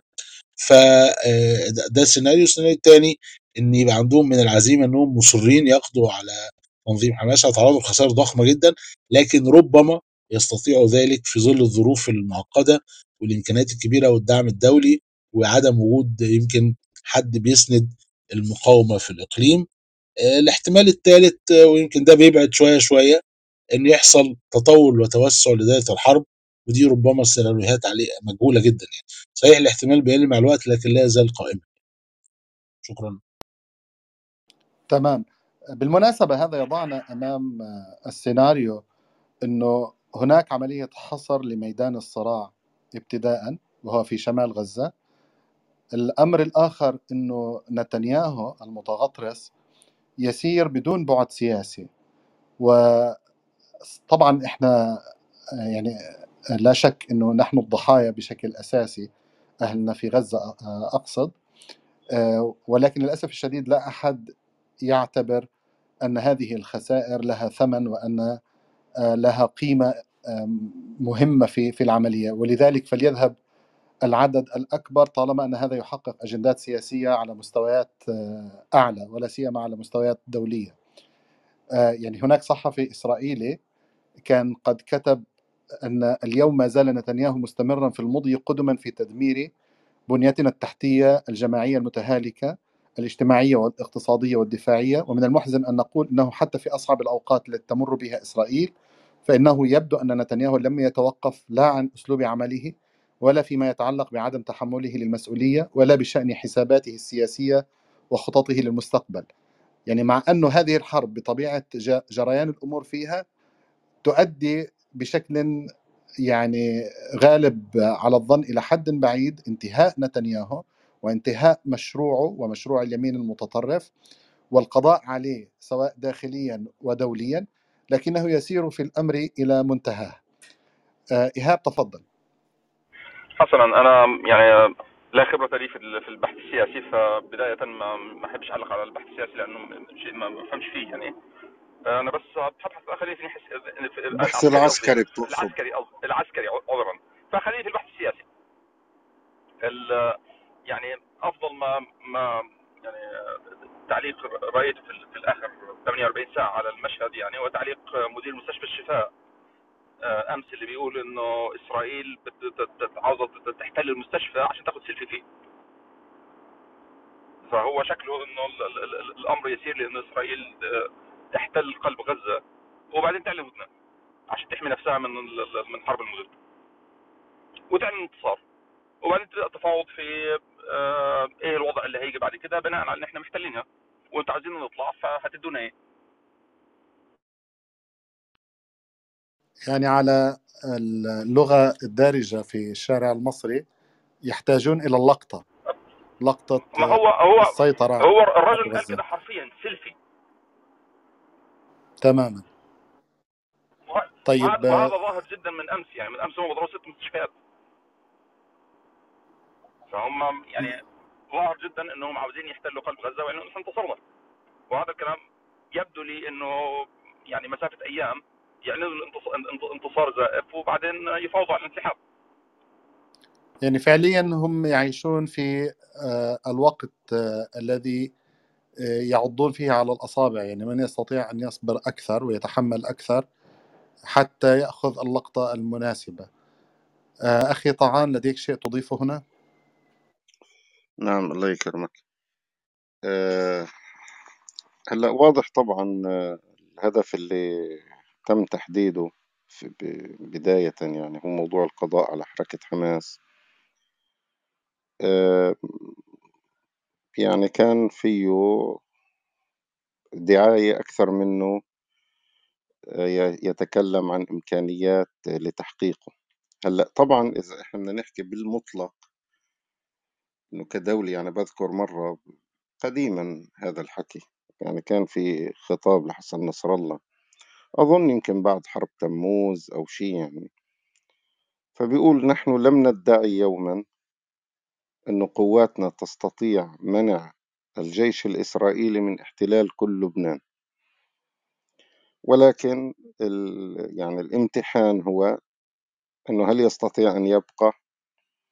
وهذا الكلام منطقي جدا يعني إنه لما دبابات تتقدم وإلى آخره مهما شو دمرت يعني 100 150 200 300 يعني ففي عامل الوقت لأنه تحتاج إلى وقت طويل لمعالجة هذا الأمر. وتقديري أنا هذا الوقت الطويل مش متسنى لحكومة نتنياهو لأسباب خارجية وداخلية. والنقطة الثانية إنه كمان لأسباب داخلية وهذا مش بس بهالحرب هاي بهالحرب هاي وبغيرها هم مش مهيئين لتقديم خسائر كبيرة. يعني أنت مثلا لو حكيت عم تحكي عن خسائرهم سواء على صعيد الجنود أو الآليات يعني مش هذيك الخسائر قياسا بما يملكه الجيش الإسرائيلي. لكن أنت بس تحكي عن الجيش الإسرائيلي وعن إسرائيل والوضع الداخلي فتعتبر هاي خسائر ضخمة. فتقديري هذا الهدف اللي حدده في تسرع يعني كان فيه آه، لكن آه، إنه كيف مآلات الأمور ومثل ما قال الدكتور إيهاب يعني إحنا مش خبراء عسكريين يعني. بس اللي أنا شايفه ما بعرف يعني مش كتير بأيد فكرة آه، اللي قالوه عن موضوع مستشفى الشفاء يعني وإنه عمل دعاية أو شيء واضح إنه هي ماشي بخطة يعني فيها منهجية بموضوع التعامل مع شمال غزة. يعني بهالكم يوم اللي مرقوا خرج يعني أعداد كبيرة من شمال غزة. فواضح من خلال سياسة التدمير ومن خلال سياسة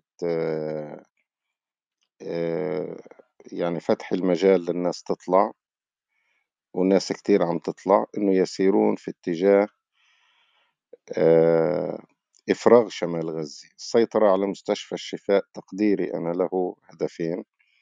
الهدف الأول إنه لما تقول مستشفى الشفاء خلص والآن عم بقرأ أن إسرائيل ستنسق مع المستشفى في يعني كيفية إخراج الأطفال الرضع إنه كيف بده ينتقلوا يعني من مكان لمكان. ولما تقول أنت بطل في مستشفيات يعني خلص لأنه في جرحى وفي هيب يعني قضيت على مظاهر الحياة. فحينها بتجبر الناس بشكل عام على الخروج. واللي قاله الدكتور عمر فعلا يعني هذا وارد جدا يعني إنه تدمير تسوية المباني بالأرض على الأقل المناطق اللي هم بيتقدموا فيها لأنه هاي بتسحب عنصر قوة من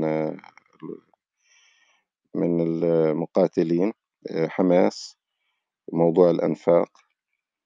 فتقديري بده يسيطروا هن على مناطق مهمة بغزة سواء بمدينة غزة. الآن مثلا بيقولوا في قتال قوي حول مخيم الشاطئ. أنتوا بتعرفوا طبعا انه هم شطروا غزة شطرين. آه، فتقديري هم يسعوا إلى تحقيق إنجاز. وبعدين طبعا بعد هذا الإنجاز اللي هو السيطرة يعني على أماكن مهمة ممكن يبدأ الحديث عن مفاوضات و يعني ولكن نتنياهو إحنا بدنا ناخذ شغلة بعين الاعتبار طبيعته وطبيعة عقليته إنه هو يعني أحداث سبعة أكتوبر طعني له في الصميم. فالاحتمال بالنسبة له الوحيد إنه أن يبقي على مكانة له في المشهد السياسي وأن لا ينتهي سياسيا وبعدين يروح على السجن. هو إنه يحدث انتصار في غزة. ولكن يبدو يبدو والله أعلم هذا بعيد المنال وفق الظروف الموجودة. والله أعلم. هو اللي تفضلت به أخي طعان آه، يعني يحتاج إضافة بسيطة من آه، جهتي أنا إنه آه، نتنياهو لا يتقصد فقط تحقيق انتصار ما في شمال غزة والسيطرة على شمال غزة. هو يحاول أن يفتح لنفسه نافذة إلى خيارات سياسية جديدة. بمعنى إذا تمكن من السيطرة تماما على شمال غزة فهو سيبدأ الحديث عن مصير غزة. الآن نحن بنعرف أنه الأمريكان قالوا له منذ البداية أنه إعادة آه، السيطرة آه، الإسرائيلية على غزة ممنوع. وأنه إذا كان الهدف الاستراتيجي هو تدمير حماس فليكن. ولكن من غير المسموح آه، لا إعادة الاحتلال ولا تهجير الشعب الفلسطيني من أهل غزة إلى سيناء. الآن آه، المطروح يعني في ضمن آه، المداورات اللي قام بها بلينكن وزير الخارجية الأمريكي واللي تناولت الحديث مع الملك عبد الله ومع الرئيس الفلسطيني محمود عباس إلى آخره هي إعادة سيادة السلطة الفلسطينية بقيادة عباس إلى قطاع غزة. الآن محمود عباس نفسه قال أن السلطة الفلسطينية مستعدة لتسلم مسؤولية قطاع غزة لكن في إطار حل سياسي شامل وقال بالحرف قطاع غزة هو جزء لا يتجزأ من دولة فلسطين وسنتحمل مسؤولياتنا كاملة في إطار حل سياسي شامل على كل من الضفة الغربية بما فيها القدس الشرقية وقطاع غزة. بمعنى أنه ما زالت الأجندات السياسية المتضاربة قائمة. ومن هنا أنا بتقديري أنه قد يحتاج نتنياهو إلى آه، عملية إضافية آه، من الضغط لا أدري هل هي من جنوب لبنان أم مفاجآت في غزة.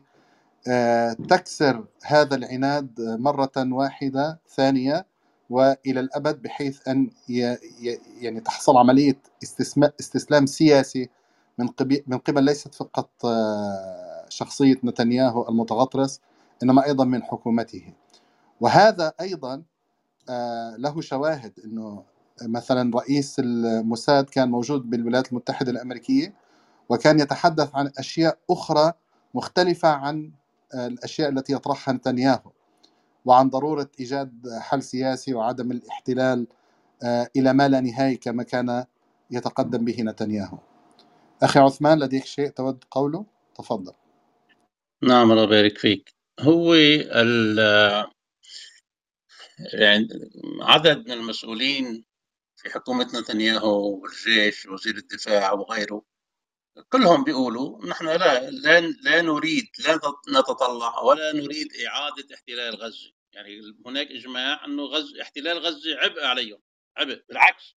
هم يقولوا نحن يعني حتى مستقبلا بدنا نسكروا الحدود مع غزة والمي والكهرباء ولا خلاص ما أخذ يعني تستلمها مصر تستلمها الأمم المتحدة تستلمها الجامعة العربية تستلمها نحن يعني بد عم هم يعني هذه هذا التصريحات الصادرة عنهم.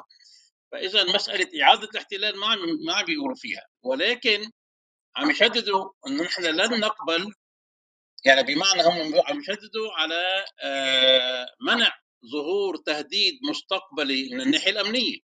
منع ظهور تهديد أمني مستقبلي من غزة لأمن إسرائيل كالذي جرى في 7 أكتوبر. هذا العنوان إيه بايدن بيقول لهم طبيعي لكم الحق أنتم بالدفاع عن نفسكم هذا إذا هذا الشعار ماشي. طيب الآن تنفيذ هذا الهدف يعني منع التهديد الأمني تنفيذه على الأرض ما بيتم بجرة قلم ولا بيتم بمعركة بحي أو أحياء. لأنه أيضا هناك إجماع في القول أن القضية مش قضية حماس. يعني حماس مش تنظيم يعني مثل تنظيم الدولة الإسلامية داعش أنه في بيئة بيئة يعني آه، غير غير حاضنة لهم. لا هي الأمر يعني وهذا مدرك بأنه حماس هي الشعب شعب غزة كله. انسى أهل الضفة. حتى ما نقول أهل الضفة حماس هي شعب غزة. وشعب غزة ككل يعني مليونين و300 ألف مليونين و400 ألف كلهم يعني هلأ صحيح في معاناة إلى آخره ولكن إذا إذا بتستفتيهم كلهم على يعني قلب رجل واحد نحن مستعدون نموت ولا نرضى المذلة. يعني فحتى بالتفكير الشعبي إن شئت الكثير من العوائل في غزة بتلاقي عنده سبعة أولاد ثمان أولاد وهن خلاص يعني نصهم شهداء. يعني هن محتسبين أمر لله. أنا عندي سبع أولاد نصهم شهداء ثمان أولاد نصهم شهداء ما عندنا مشكلة. فالمهم إذا يعني غزه كواقع يعني لما أريال شارون قال أنا بتمنى في أفيك ذات صباح ذات يوم وأجد إنه البحر بلع على غزة. غزة قنبلة موقوتة بكل المقاييس. فالآن إذا مسألة القضاء على حماس مش إنه هذا هدف يتم يعني عسكري هناك إجماع. يعني حتى ديفيد بتريوس وغيره من الضباط الأمريكان ولويد أوستن كلهم بيقولوا قضاء على حماس مش مسألة شهر واثنين يعني هذه بدها شغل كثير على لذلك في تصريحات من قاده العسكريين الإسرائيليين بيقولوا الحرب طويلة الحرب ستكون طويلة. طيب الآن والله إنه عم يصير في إفراغ لشمال غزة. ما عم تحكي أنت شمال غزة يعني 17 كيلو متر إلى من من الشريط الحدودي إلى وادي غزة 17 كيلو متر 17 كيلو متر يعني بالمنطق العسكري والمساحات العسكرية منها شيء ولكن حتى السيطرة على هذا الشريط 17 كيلومتر سيكلف إسرائيل غاليا. آآ آآ ف ولذلك هم عم يقولوا بأنه الحرب طويلة. يعني هم مدركين أنه القضاء على خطر حماس في غزة سيأخذ منهم جهد وزمن. لذلك هن عم يراهنوا الله أعلم في حساباتهم أنه نحن بدنا نتبع سياسة الأرض المحروقة وهن عم يتبعوها حتى المستشفيات ما وفروها فتسويه الأبنية فوق الأرض تسويتها بالأرض ومحاولة تدمير الأنفاق تحت الأرض وهذا كله بده شغل بده جهد بده زمن ف وهن عم يراهنوا إنه لاحقا مع الوقت يعني بعد شهر أو اثنين ستصل الأمور ستصل الأمور إلى تسوية سياسية برعاية أمريكية. هذه التسوية السياسية ستتضمن يعني ضمانات أمنية لإسرائيل إنه هذا المنطقة إذا بسميها المنطقة العازلة الفاصلة البفر زون هذه ممنوع حماس ترجع لها ممنوع يكون فيها سلاح ممنوع ممنوع إلى آخره. يمكن تيجي قوات من الأمم المتحدة من الجامعة العربية من ايا كان بس إنه إسرائيل بدها ضمانة إنه نحن ما مش مستعدين نتحمل ضربة أخرى مثل 7 أكتوبر. هذا في المنطق في في المنطق السياسي المباشر.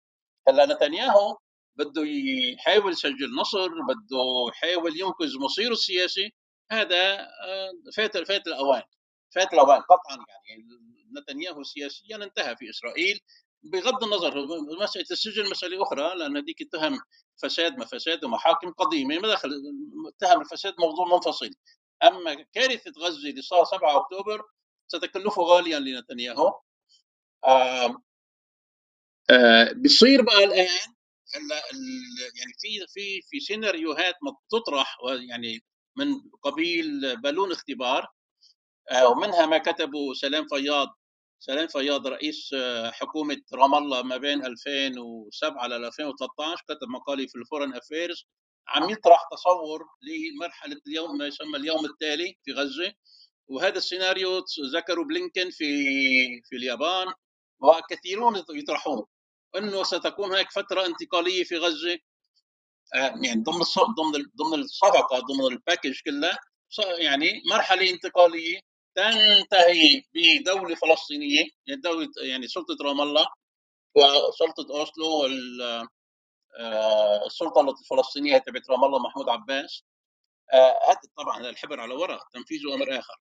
فإذا مرحلة انتقالية تنتهي أو تصب في مسألة إقامة حل الدولتين تحت راية رام الله على أن تقوم سلطة رام الله من عبر منظمة منظمة التحرير البي ال أو منظمة التحرير الفلسطينيه بتوسعة منظمة بحيث إنه يكون حماس لها حصة داخل المنظمة.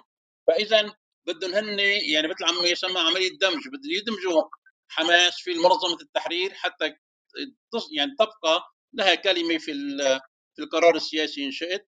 ثم البحث في شخص شخصيات. مرشح فياض سلام فياض مرشح أنه يتولى السلطة الحكومة القادمة.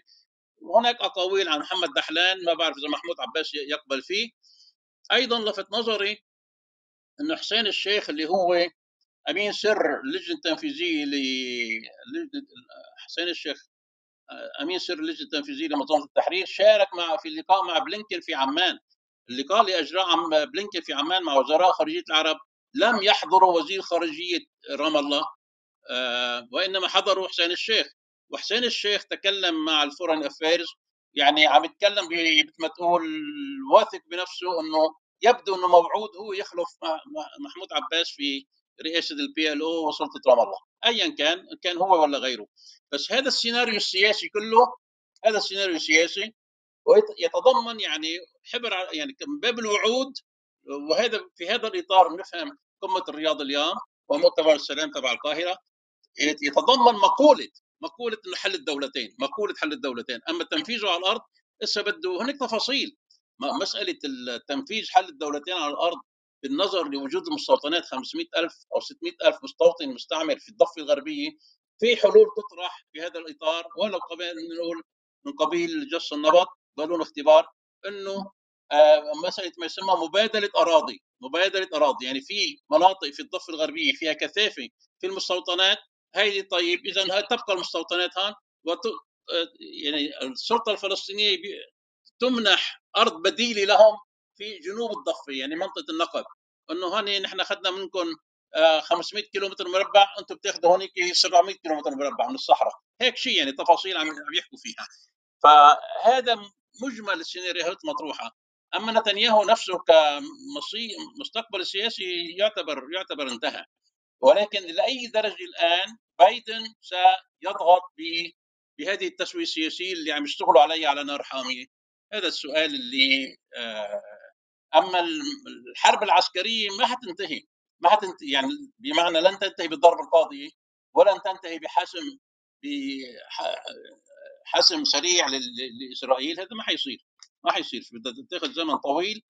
وهن محضرين حالهم إنه بدهم يعني حتى يفرضوا هذا الواقع اللي بدهم إياه. وهذا بصير لأنه بالآخر أي صراع عسكري هو صراع ارادات أي صراع عسكري الحرب العالمية الأولى ولا الثانية دول كبرى وإلى آخره حرب فيتنام حرب أفغانستان إيرادات. في طرفين طرفين متخاصمين متصارعين. من منهم ينجح بفرض إرادته على الآخر؟ هذا يعني رهين يعني بتطور الأحداث والقدرات على على الصمود فيها. فقط للتدقيق ال 17 كيلو هو طول الشريط الساحلي لشمال غزة اللي اقتطعته آه، إسرائيل آه، كامل الشريط آه، الساحلي 41 كيلو طيب هناك أي إضافات أخرى قبل أن ننهي الجلسة؟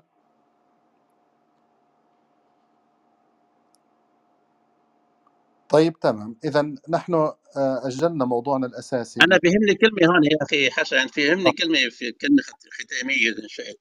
تفضل. حقيقة نحن ثمرة يعني نحن حكينا كثير مسألة فهم ما يجري.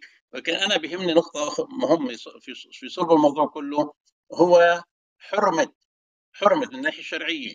حرمة اللجوء إلى ما يسمى شرعة الأمم المتحدة والقرارات الدولية و و وكل هذا العلاك واللت والعجن والشعارات الساقطة هذه يجب علينا جميعا يجب علينا جميعا أن ننادي بأعلى صوت إنه من من يقبل باللجوء إلى شرعه الأمم المتحدة ومجلس الأمن وأمريكا والدول الراعية للسلام والقرارات أربع القرارات الدولية هذا ترويج للخيانة بعينها.